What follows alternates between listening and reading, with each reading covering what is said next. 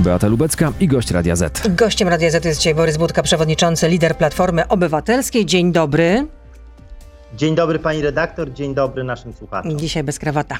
Ma pan kaca moralnego, że pan jednak przestrzelił z tym brakiem poparcia dla ratyfikacji Unijnego Funduszu Odbudowy?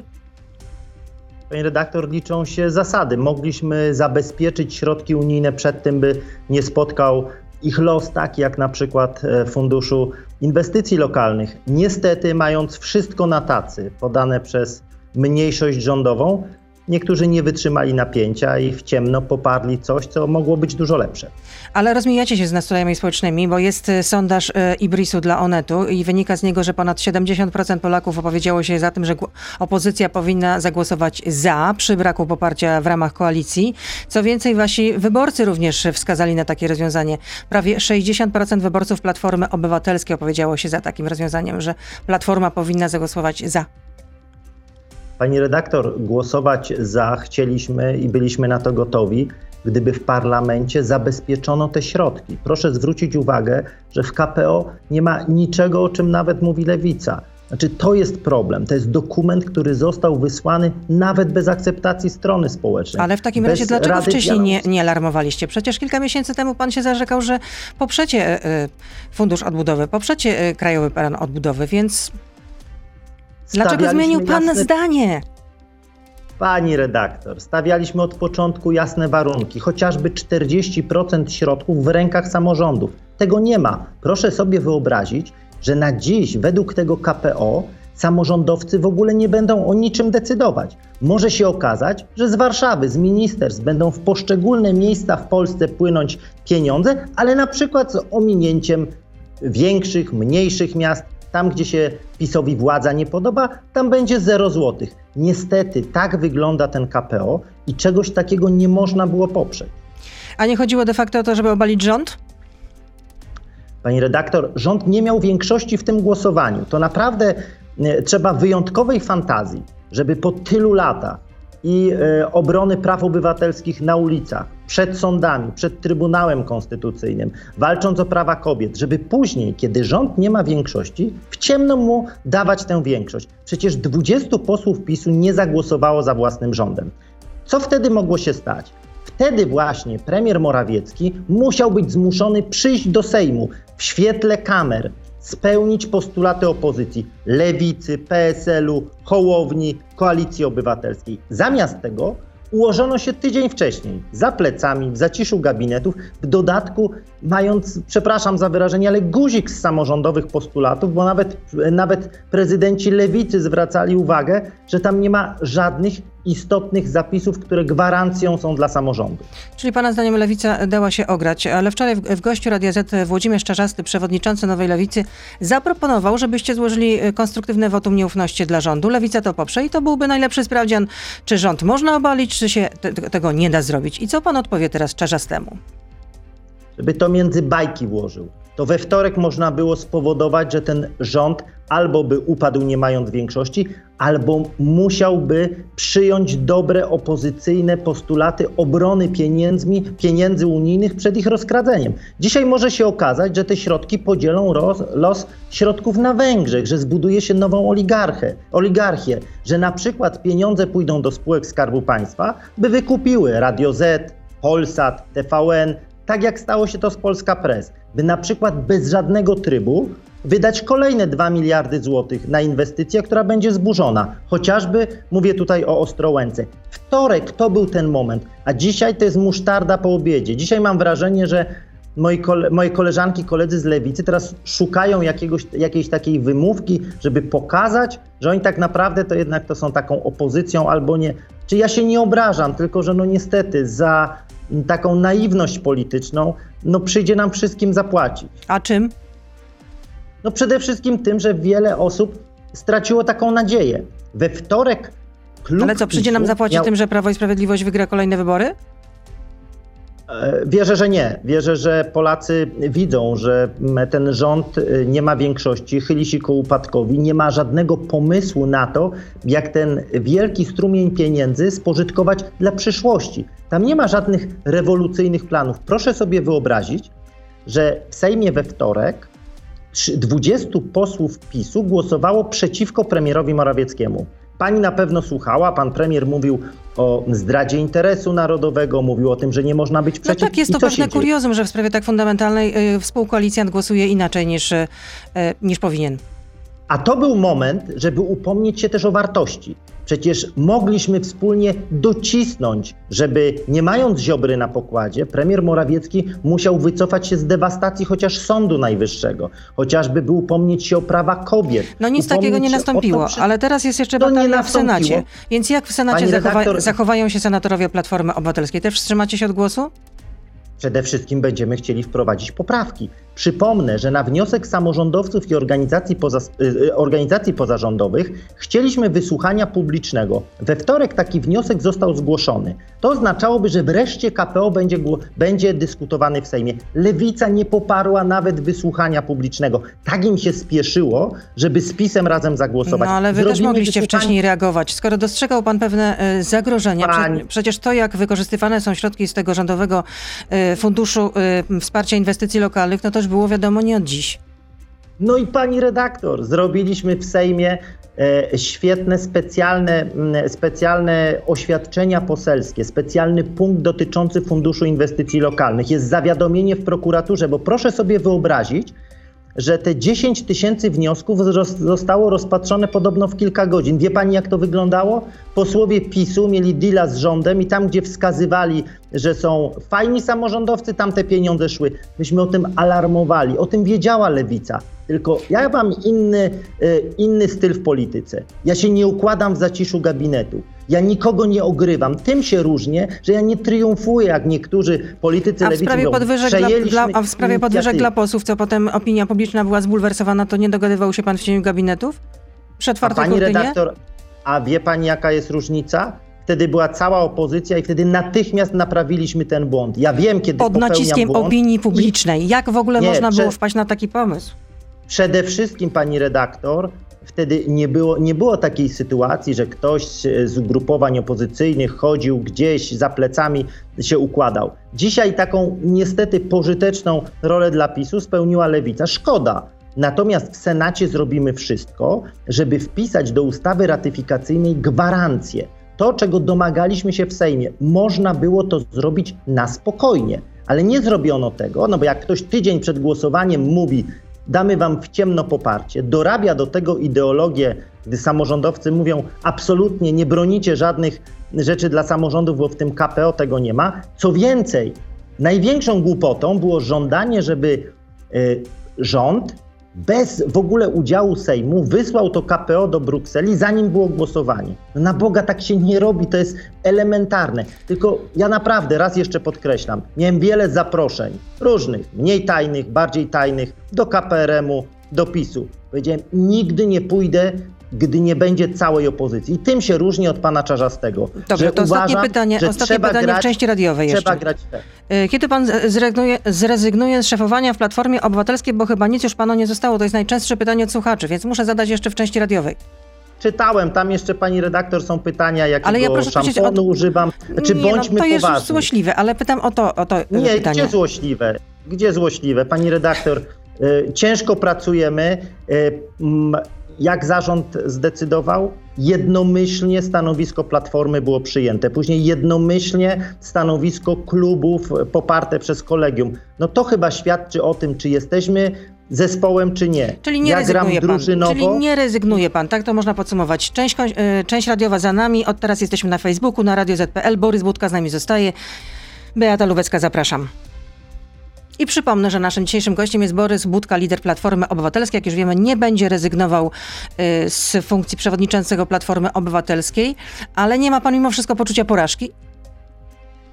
ale mogę tylko żałować, że mając na tacy y, rząd, który nie ma większości, część opozycji zdecydowała się, by y, nie popierać gwarancji dla samorządów, dla tych pieniędzy, dlatego by były one uczciwie wydawane, że część wybrała taką drogę dogadywania się gdzieś za plecami, to się źle kończy, bo tu chodziło o coś więcej, aniżeli tylko No Dobrze, pokazanie ale się może, na ale może błąd jest, leży po, po na stronie, no bo jednak e, kiedy przewodniczącym Platformy Obywatelskiej był Grzegorz Schetyna, udało mu się stworzyć taką koalicję europejską przed wyborami do Parlamentu Europejskiego, wspólna lista.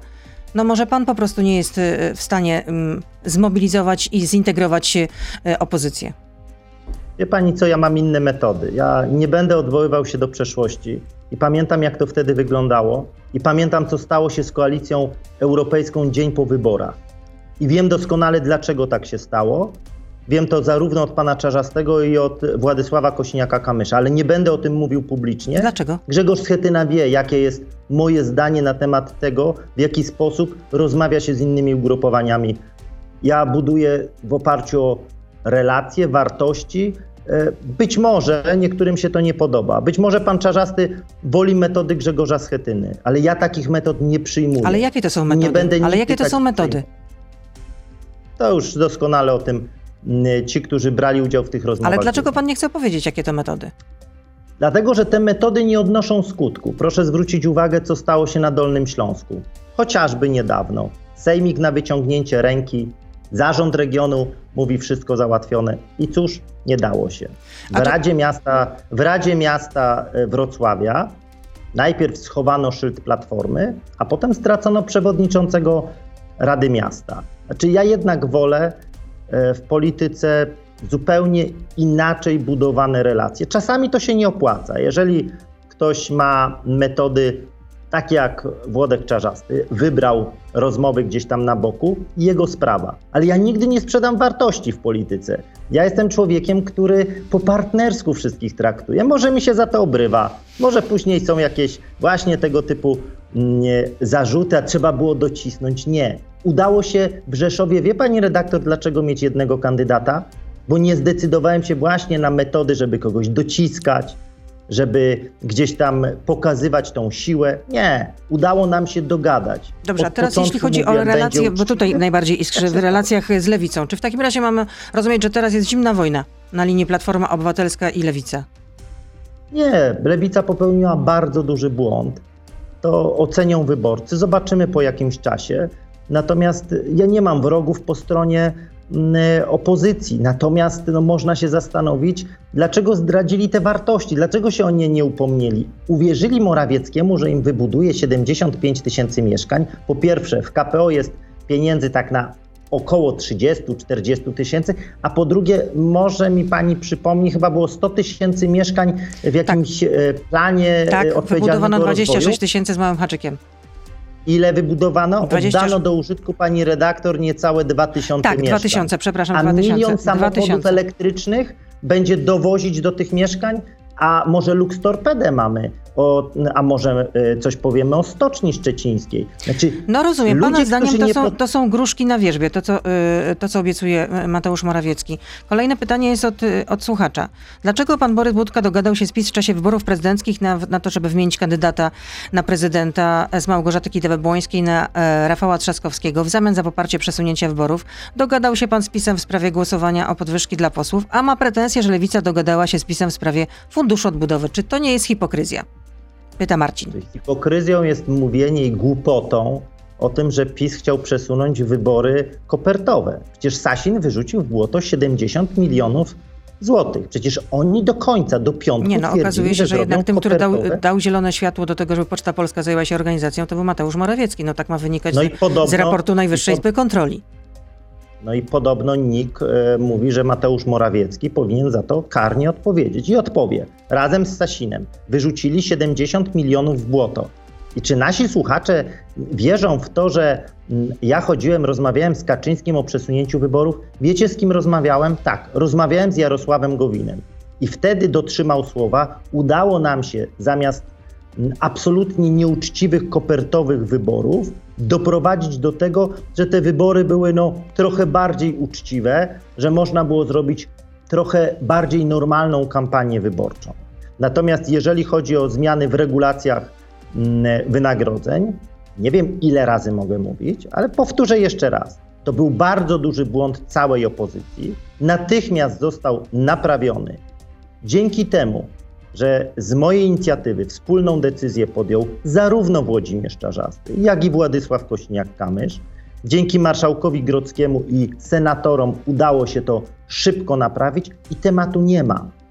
Trzeba się przyznać do błędu i trzeba błąd naprawić, i tak zrobiliśmy. Ale działaliśmy wtedy razem. A tutaj ktoś wymyślił, żeby się dogadać po cichu z PiSem i to w dodatku na takie warunki, których PiS nie spełni. No a jaka była spełni. motywacja pana, pana zdaniem, że lewica zachowała się tak, jak, a nie inaczej? Ja mam takie wrażenie z te, z, później z tych wypowiedzi, które były, że po prostu chcieli tak zagrać na nosie, a może odegrać się właśnie za to traktowanie kiedyś tam w czasach historycznych różnych koalicji. A może chcieli po prostu tak na chwilę zabłyszczeć, a może cieszą się, że dzisiaj są bohaterami w mediach publicznych za 2 miliardy złotych, e, przeciwko którym tak protestowali, a dzisiaj są e, wychwalani. Dzisiaj przecież nie mówi się o zdradzie Ziobry. Nie mówi się o tym, że 20 posłów PiSu nie głosowało. Mówi się o pięknej, wspaniałej lewicy w reżimowych mediach i oczywiście wiesza się psy na Platformie Obywatelskiej. No i Znaczy, można powiedzieć, że, że prezes Jarosław Kaczyński ograł wszystkich. No taka jest narracja, że teraz wy jesteście pierwszym chłopcem do, e, chłopcem do bicia. Jeśli chodzi o media publiczne, to jest moje rytualne pytanie. Jak idzie zbieranie głosów? Ile głosów zebrano pod e, projektem obywatelskim w sprawie likwidacji TVP Info? Bo to miało być dla was ważne. W piątek będę miał najnowszy raport. Z tego, co się nie mylę, to jest około 47-8 tysięcy na dziś. Czyli ym, niecała połowa, żeby w ogóle mo- można mówić o projekcie obywatelskim, który można by przesłać do Sejmu. Spokojnie mm, mamy dużo czasu, żeby zebrać limit, który sobie daliśmy, to jest 200 tysięcy. 200 tysięcy. A u pana w biurze też można na przykład się podpisać pod takim wnioskiem? E, Tak, znaczy e, robimy to na zewnątrz, dlatego że z uwagi na pandemię to jest ograniczone, więc, e, więc e, ja poprosiłem, żeby nie robić tego w biurze poselskim, tylko żeby robić na zewnątrz. To głównie jest dystrybuowane przez wolontariuszy mm, i osoby, które ze mną współpracują, właśnie tak zbierają te podpisy. Przypomnę, że gościem Radia Z jest dzisiaj Borys Budka, lider Platformy Obywatelskiej. A nie obawia się pan, pan, e, pan, pan przewodniczący, że jednak partia się panu rozpadnie, że konserwatyści odejdą? Chociażby dwóch posłów e, nie, ym, nie zagłosowało tak jak... e, Znaczy, no nie wstrzymało się od głosu, nie zagłosowało w ogóle. Mówię o posłach konserwatystach z Krakowa, o Ireneuszu Rasiu i o Bogusławie Soniku. Widzi pani redaktor, akurat poseł Raś w niedzielę zarzekał się w rozmowie z e, naszymi posłami, że wstrzymanie się od głosu jest świetną decyzją. Później nie zagłosował. No cóż, zawsze w Platformie Obywatelskiej, niestety, tak stwierdziliśmy kiedyś byłem przewodniczącym Tuskiem, był taki, taki w kodzie DNA było, żeby tego albo przewodniczącego, albo jak coś y, jest trudny moment, żeby zamiast się konsolidować, to żeby wtedy wykorzystywać takie momenty gdzieś tam do wewnętrznych gierek. Spokojnie jestem Czyli nie przyzwyczajony. zakpi się, że to karne wojsko. Nie, przede wszystkim y, tym się różnimy od PiSu, że tu nie ma zamordyzmu. Że ja nie wyrzucam z partii za to, że ktoś ma inny pogląd. Mogę wyrzucić za nielojalność i głupotę. Ale, Ale, za, to, ale pytałam ma... pana, czy nie obawia, nie obawia się pan jednak rozpadu partii? No bo też słyszymy, że są pomysły tworzenia polskiej y, Hadecji, że miałby wrócić do gry Bronisław Komorowski. Dużo jest różnych pomysłów. Dzisiaj mam spotkanie z e, konserwatystami. Mm, Bardzo dużo rozmawiamy, są dobre pomysły, natomiast e, ja, wielu już zakopywało Platformę Obywatelską. Ruszamy, gdy zostaną obostrzenia pandemiczne ograniczone w Polskę. Spotkania to, co zawsze jest naszą mocną siłą w terenie. Pokazujemy współpracę z samorządowcami i do przodu po prostu. A jakie ka- kary będą dla tych posłów, którzy y, nie zagłosowali? Mm, Tak jak y, zdecydowana większość, przecież również jest poseł y, Franciszek Starczewski, który zagłosował w ogóle za. No, ja ubolewam, dlatego że to jest dziecinada. E, Sorry, ale tak się nie zachowuje. Było sporo osób, które miało inne zdanie. Natomiast jeżeli coś postanawiamy wspólnie, jeżeli ktoś nawet podczas dwa, trzy posiedzenia klubu poświęcone Funduszowi Odbudowy, ktoś nie ma odwagi powiedzieć, że ma inne zdanie, a później tak głosuje, czy można kreować się na gwiazdę, ale w dobrych momentach. Ale w czasach, kiedy trzeba komunikować wspólnie trudną, ale potrzebną decyzję, nie może być tak, że ktoś robi z siebie niepotrzebnego gwiazdora. Franek jest bardzo pracowitym posłem, bardzo pracowitym społecznikiem bar, robił wiele dobrych rzeczy. Ale no, nie robi się takich, takich numerów. Poza tym on był tym, który walczył między innymi o niezawisłość sędziów i niezależność Ale jakie będą kary? Dzisiaj- Jakie są przewidziane kary regulaminowe? Oj, kar regulaminowych to jest mnóstwo, ale decyduje o tym rzecznik dyscypliny w klubie, nie w partii, i później y, kolegium utrzymuje taką karę. W przeciwieństwie do naszych konkurentów z PiSu, nie, tutaj na Wiejskiej, ja nie y, w sposób autorytarny nie nakładam żadnych kar. Czyli pan nie ma żadnego wpływu na to jako przewodniczący, jaka kara zostanie wymierzona tym. y, Nie, Franek posłom? nawet nie jest członkiem, Franek nawet nie jest członkiem Platformy Obywatelskiej, więc jako szef Platformy nie wymierzam mu żadnej kary. Zrobi to z pewnością rzecznik, rzeczniczka dyscypliny. Czyli Fran- y, Franciszka Sterczewskiego nie można w ogóle ukarać, ponieważ nie jest w Platformie Obywatelskiej. Kary Można będą ukarać karą w klubie, pani redaktor. w klubie. A klub to coś innego niż partia, dlatego że jest znacznie szerszy. Lubi pan latać? E, e, latać. Nie mam z tym problemu. No chyba pan lubi, ponieważ jest pan wśród re- rekordzistów, y, tych, którzy latali najczęściej na koszt parlamentu, czyli na, na, na y, rzecz podatników. No oczywiście posłowie mają do tego prawo, rzecz jasna. Z sejmowego zestawienia wynika, że od początku tej kadencji do końca lutego 2021 roku latał pan 52 razy. Podatników kosztowało to 52 660 złotych. Latam, jeżdżę pociągiem, poruszam się po całym kraju. Nie zdarzyło mi się nigdy być na koszt podatników za granicą. W żadnej mm, nie brałem udziału. Natomiast w Polsce, żeby szybko się przemieszczać, tak korzystam albo z samolotów, albo z samochodu, albo z pociągu. Jest to normalne w pracy. Zawsze są to podróże związane z wykonywaniem mandatu, zwłaszcza, że spotkania jako szef Platformy Obywatelskiej, jako parlamentarzysta mam w całym kraju i to jest rzecz normalna i y, moim zdaniem coś, co jest naturalne na całym świecie. Ale z obliczeń wynika, że no jeden bilet kosztował około 1000 złotych, a jeśli Ale sprawdzałam... nie ja negocjuję, pani redaktor. Kancelaria Sejmu zawarła umowę z lotem. Jeżeli ktoś pyta y, posła, dlaczego kosztuje tyle bilet, no to odsyłam do kancelarii y, Sejmu. Ja pytam nie, Przecież- przy- nie, nie, nie bez kozery, ponieważ y, no, jak się- oblicza, ile mogły kosztować bilety pozostałych parlamentarzystów, którzy też bardzo często latali na koszt y, mm, kancelarii Sejmu, a mają do tego prawo, no to tam mniej więcej bilety kosztowały no, od y, 500 tam iluś do 600 y, y, złotych. Więc u pana jest to Ale pani ważne. redaktor, znaczy ja już nie rozumiem, czy to jest y, e, jakiś żart. Raz jeszcze Ale podkreślam. żart z, jakiej, czy Bilet- z mojej, z mojej strony?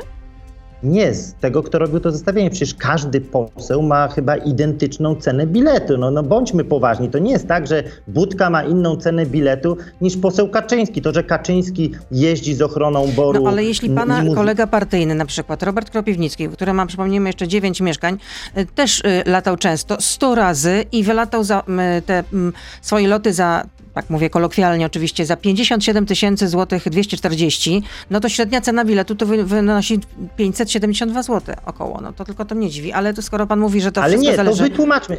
Ale wytłumaczmy na naszym słuchaczom, bo bardzo nie lubię zostawiania takiego wątku. Mhm. Wie pani, jak to działa? Dzwoni się do lotu i prosi się o bilet na danej trasie. Ma się taki specjalny kwitek. W Sejmie są osoby, które się tym zajmują.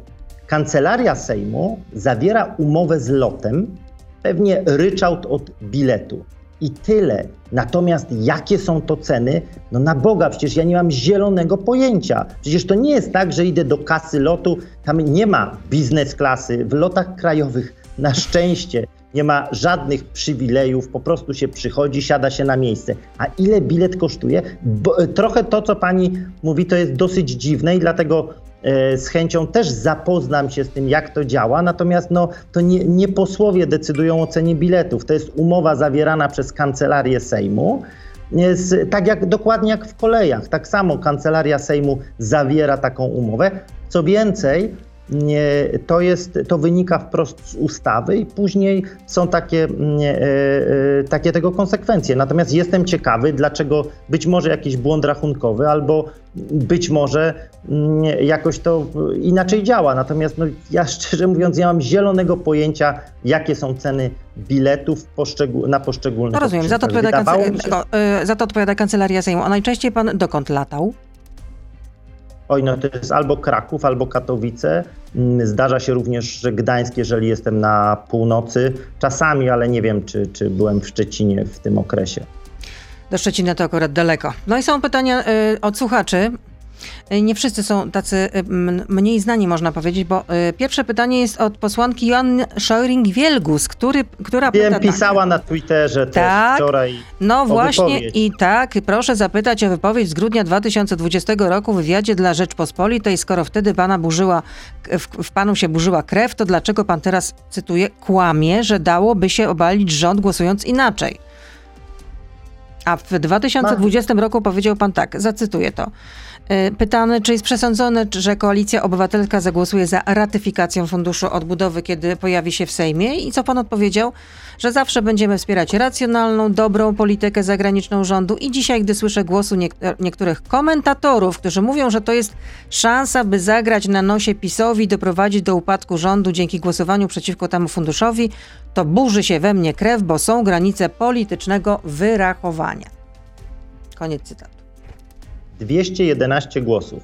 Asiu, droga Asiu, mówię do Asi Szoring-Wielgus. Wielokrotnie o tym mówiliśmy. 211 głosów, tyle miał rząd prawicowy, jak to mówicie, rząd PiSu. I co zrobiliście?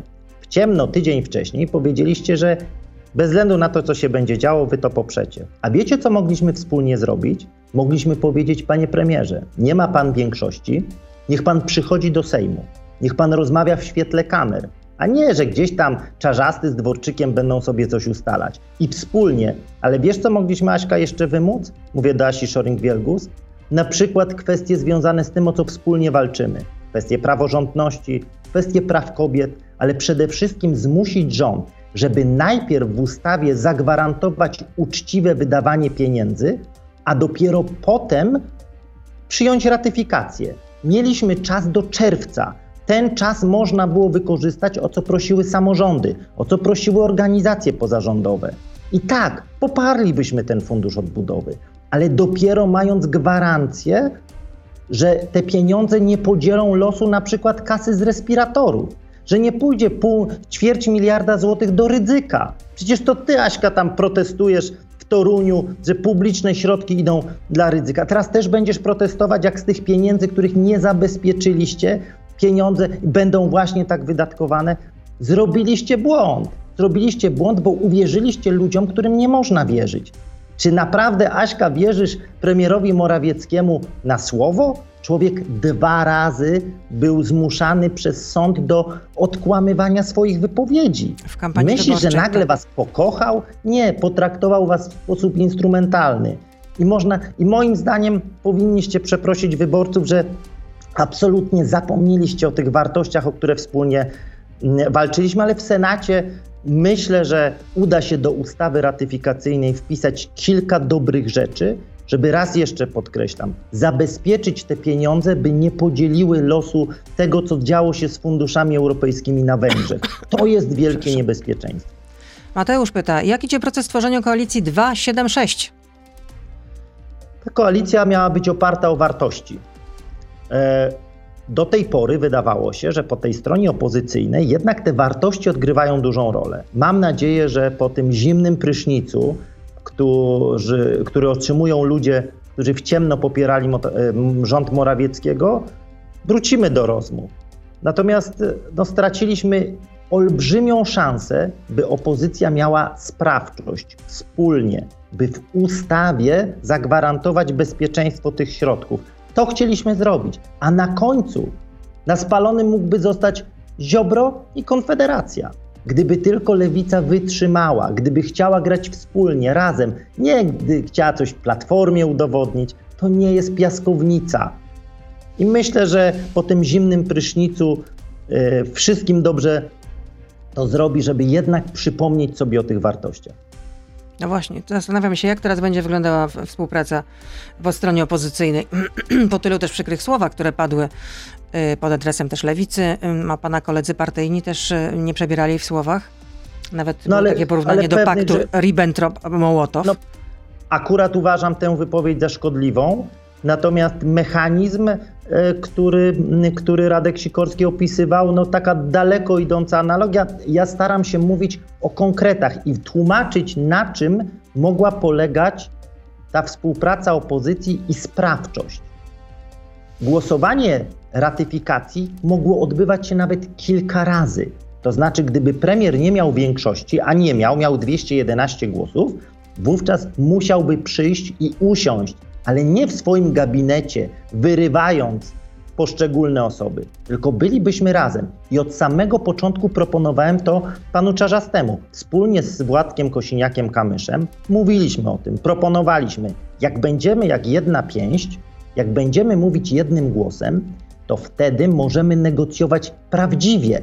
Możemy zabezpieczyć samorządy, możemy zabezpieczyć te no, postulaty. No tylko, że PSL możemy ostatecznie też zagłosowało za y, ratyfikacją. ale, ale no bo to już była musztarda po obiedzie. Jak ktoś tydzień wcześniej, tak jak zrobiła to Lewica, żeby na chwilę zabłyszczeć w TVP Info, żeby na chwilę zabłyszczeć w wiadomościach, żeby na chwilę ci, którzy byli na co dzień opluwani, byli bohaterami, nie, podpisuje się pod czymś, czego nawet nie widzieli. Przecież pani redaktor chyba pamięta, że jeszcze chyba w piątek któryś z posłów lewicy mówił, że jak y, to, to dokładnie to nie wiedzą, co jest w KPO. Później kazali premierowi jak najszybciej to wysyłać do Brukseli, ostateczną wersję. Kiedy samorządowcy mówili, dajcie jeszcze kilka dni czasu, bo mamy negocjacje. I co się okazuje? Nasi słuchacze pewnie zastanawiają się, co z Zielonym Ładem. Nie da się go w tej wersji KPO zrealizować. Dlaczego? Bo wyeliminowano miasta. Jeżeli się wyeliminuje duże miasta, to nie da się walczyć ze zmianami klimatycznymi, ze smogiem. No tak, Nasi bo duże miasta się generują zastanawiają, najwięcej takich a co zjawisk. ze służbą zdrowia? Naj, najmniejsze środki spośród tych wszystkich priorytetów idą na służbę zdrowia. A co myśmy proponowali? Mówiliśmy o tym, że musimy zrobić wielki bilans zdrowia Polaków po COVID. To były postulaty już dwa miesiące temu zgłaszane. Wszystko jawnie, publicznie wysyłane. No cóż, tych postulatów było naprawdę dużo. I ostatnia rzecz, prokuratura europejska. Mogliśmy zmusić, przez to, że Ziobro był poza rządem, poza y, premierem Morawieckim, poza klubem, zmusić, żeby wreszcie Polska przystąpiła do prokuratury europejskiej. Kto dzisiaj będzie kontrolował, jeśli będą przekręty? Prokuratura Ziobry? No to może można przypomnieć słuchaczom. Od roku toczy się postępowanie w sprawie maseczek, respiratorów, których nie ma, przyłbic, czy też lewych testów, na które wydatkowano mnóstwo, setki milionów pieniędzy podatników. Czy ktoś usłyszał zarzuty? Przecież Nie. nawet jedno doniesienie jest Nie. pana Szumowskiego, o ile się nie mylę. Maciej pyta, czy działa pan w porozumieniu z szefem e, Europejskiej Partii Ludowej, czyli z Donaldem Tuskiem? Jestem w stałym kontakcie, często rozmawiamy, uważam go za wybitnego polityka i bardzo często słucham jego rad. Grzegorz pyta, czy y, pana mistrz Donald Tusk jest zadowolony z pana działań w ramach Koalicji Obywatelskiej i Platformy? Donald Tusk mocno kibicuje temu, by Polska e, znowu miała proeuropejski rząd. E, Przypomnę, że kiedy Donald Tusk był premierem, wynegocjowaliśmy najlepszy budżet dla Polski. Potem, dzięki temu, że byliśmy liderem przemian w Europie, Donald Tusk był szefem Rady Europejskiej. Nigdy nie mieliśmy tak wielkich sukcesów na arenie międzynarodowej, jak w czasie rządów Platformy i PSL-u i warto do tych dobrych rządów wrócić. Czy to prawda, że szykował y, pan rząd techniczny z Konfederacją? Jakie ministerstwo proponował pan Konfederatom, a jakie lewicy? Przede wszystkim jedyne, o czym mówiliśmy, to skrócenie kadencji Sejmu. Na czas przejściowy mógł być rząd techniczny, żeby przygotować uczciwe wybory. Nie żeby rządzić, żeby przygotować uczciwe wybory. By media były znowu mediami publicznymi i to wszystko było realne. We wtorek 211 głosów. Tyle miał premier Morawiecki w Sejmie w klubie PiSu. Niestety dorzucono do tego głosy partii, które się mienią opozycyjnymi i skończyło się jak skończyło. Łukasz pyta, proszę powiedzieć, co jest ze zmianą loga y, i nazwy partii, bo było to zapowiadane niecały rok temu, a jak widać nic się nie wydarzyło w tym temacie. Nie, to myślę, że to, to jakaś niesprawdzona informacja. Czy jeżeli ktoś myśli, że e, zmieni, zmieniając logo czy nazwę, nie, to jest najważniejsza rzecz? Nie, absolutnie nie. My mamy przygotowane zmiany statutowe. Mamy przygotowaną deklarację ideową. Czekamy na koniec pandemii, bo nie da się nawet zebrać w sposób normalny, zrobić Rady Krajowej, że już nie wspomnę o konwencji, która może zmiany zatwierdzać. Więc pracujemy w takim systemie, jak pracuje większość z nas, Polaków, większość z nas, Europejczyków i na świecie, w systemie zdalnym. Na systemy partyjne nie są przygotowane do tego, by można było w takich systemach głosować i to jest ten największy problem. Fifka pyta, czy podobają się panu wygłupy, tak to jest napisane, posłanki Jachiry? E, podobają mi się mm, dojrzałe bardzo wpisy w mediach społecznościowych. Widzę mm, wielką troskę o wartości. Klaudia Jachira wielokrotnie mm, pokazuje, że twardo upomina się o coś, o co na co dzień walczymy wszyscy: o przestrzeganie prawa, przestrzeganie konstytucji. Jeżeli ktoś wygłupem nazywa pokazanie napisu konstytucja podczas tego, gdy pan prezydent Andrzej Duda przemawia w Sejmie, nie uznaje tego za wygłup. Uznaje to za przejaw upomnienia się o wartości. Bo jeżeli prezydent Rzeczpospolitej poucza wszystkich, czy w, robi wykład o Konstytucji 3 maja, to przypomnę, że wielokrotnie łamał Konstytucję z 2 kwietnia z 97 roku, ta, która teraz obowiązuje. A jak pan ocenia kampanię prezydencką Konrada Fiołka we Wrocławiu? E, wiecie co?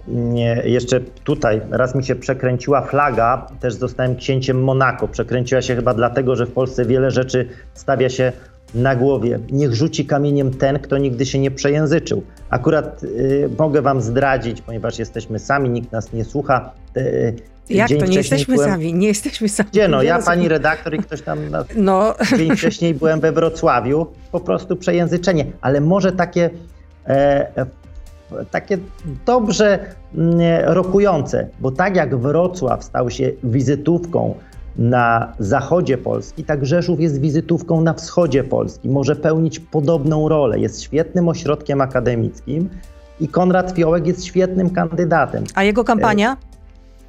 Bardzo fajna. Byłem kilka razy w Rzeszowie, widziałem jak rozmawia z ludźmi. Mm, on jest od rana do wieczora na ulicach Rzeszowa, na osiedlach. Naprawdę tak pozytywna postać. Człowiek świetnie przygotowany. On tam zna chyba każdą ulicę, każdą, mm, e, e, każdą inwestycję. To jest człowiek, który pracuje od 20 lat w samorządzie rzeszowskim. Nie jest przywieziony w teczce. Jest człowiekiem, który został tam wybrany i cieszę się, że Koalicja Obywatelska popiera właśnie takiego kandydata i cieszę się, że tam wspólnie razem z Lewicą, Szymonem Hołownią, z Polskim Stronnictwem Ludowym, ruchami miejskimi, zielonymi, inicjatywą polską nowoczesną udało nam się właśnie e, wesprzeć tak wspaniałego kandydata. No i dojechaliśmy do końca. Borys Budka, lider Platformy Ale to Obywatelskiej. westchnienie, pani redaktor, to mogło być takie westchnięcie radosne na dalszą część dnia, a nie, że tutaj Nie, ja jeszcze mam tutaj mnóstwo pytań, bo rzadko mi się zdarza, żeby aż tyle pytań było do y, gościa. No, ja tam... Y, jest zazwyczaj y, urodzeń, no ale dzisiaj to była absolutna klęska ale urodzaju, ja wczoraj, można powiedzieć. Wczoraj zerknąłem, żona mi mówi zerknij, bo tam mnóstwo pytań. No to jak zobaczyłem okremy na, na cerę, kwestie włosów, kwestie, no to dużo pytań, także przygotuję się następnym razem, albo tam będę na bieżąco odpowiadał, odpowiadał. przy okazji następnej rozmowy. Ale Borys, dziękuję bardzo za zaproszenie. Borys Budka, przewodniczący Platformy Obywatelskiej, był z nami. Nieustająco życzę zdrowia oczywiście. Już się pan zaszczepił? Ja również, pan się już zaszczepił? Naszym też. Pan się już zaszczepił? Wie pani co? Miałem skierowanie na szczepionkę 22 lutego. Tak, jako nauczyciel akademicki, ale nie zaszczepiłem się wtedy, bo czekałem na swój rocznik. Przeszliśmy COVID dosyć w okresie świąt y, Bożego Narodzenia. Trochę mam przeciwciał, tak, zaszczepiłem się w momencie, kiedy była, mój rocznik był dopuszczony, bo uznałem, że polityk nie może więcej, nawet jeśli jest jednocześnie nauczycielem akademickim. Nie skorzystałem z możliwości w lutym. Skorzystałem dopiero, kiedy szczepionki są powszechnie dostępne, bo uważam, że nam, politykom, y, wolno mniej. Do usłyszenia, do zobaczenia. Dobrego dnia życzę zatem. No i nieustająco zdrowia. Powtarzam się, ale zdrowie jest teraz bardzo, bardzo, bardzo ważne. Zresztą zawsze jest, a teraz szczególnie. Do zobaczenia. Do zobaczenia. To był gość Radia Z. Słuchaj codziennie na playerze i w Radio Z.